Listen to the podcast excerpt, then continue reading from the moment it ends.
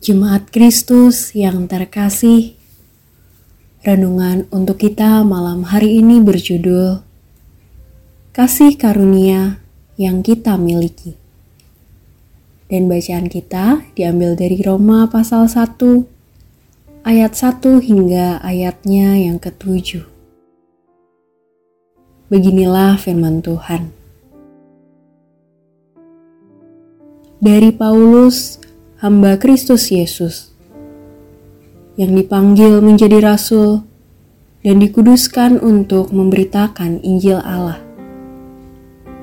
Injil itu telah dijanjikannya sebelumnya dengan perantaraan nabi-nabinya dalam kitab-kitab suci tentang anaknya yang menurut daging diperanakan dari keturunan Daud dan menurut roh kekudusan dinyatakan oleh kebangkitannya dari antara orang mati.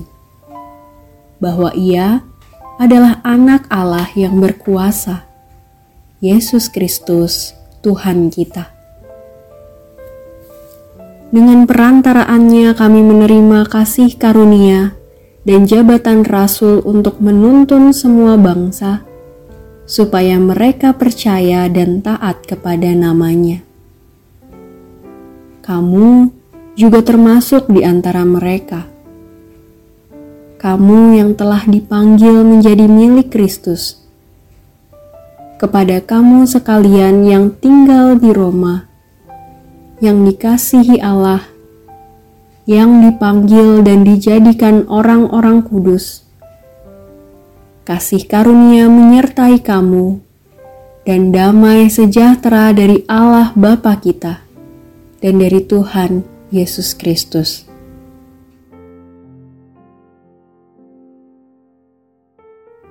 Di luar sana, ada banyak cerita yang mengatakan bahwa masuk Kristen akan membuat hidup kita lebih bahagia dan akan terbebas dari segala belenggu di dunia ini, dan salah satunya lepas dari kemiskinan ataupun pergumulan lain.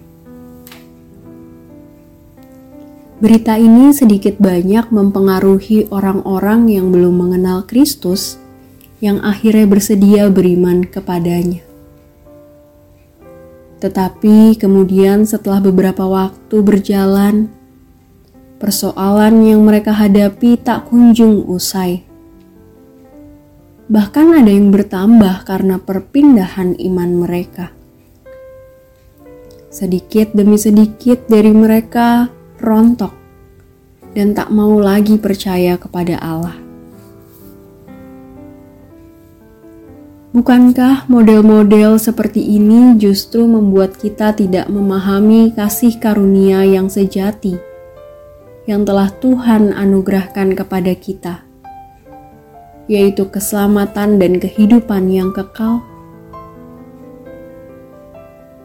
Hal-hal semu nan kecil justru mengkerdilkan karya Tuhan yang begitu sempurna tersebut. Lalu kadang dali banyak orang demikian. Kalau keselamatan saja yang diwartakan, orang tak akan mau percaya kepada Allah. Di satu sisi, hal ini benar karena orang butuh juga hal konkret yang bisa ia rasakan.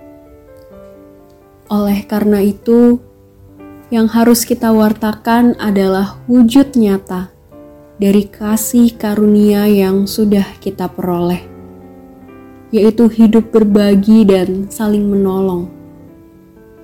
Dengan kita bersedia berbagi, orang akan menemukan kasih karunia Allah seperti yang sudah kita rasakan, yaitu pemulihan bagi hidupnya walaupun mungkin itu sesuatu yang kecil dan sementara. Anugerah Allah memberikan hal yang terbaik untuk kita. Maukah kita membagikannya? Demikianlah renungan malam ini. Semoga damai sejahtera dari Tuhan Yesus Kristus tetap memenuhi hati dan pikiran kita. Amin.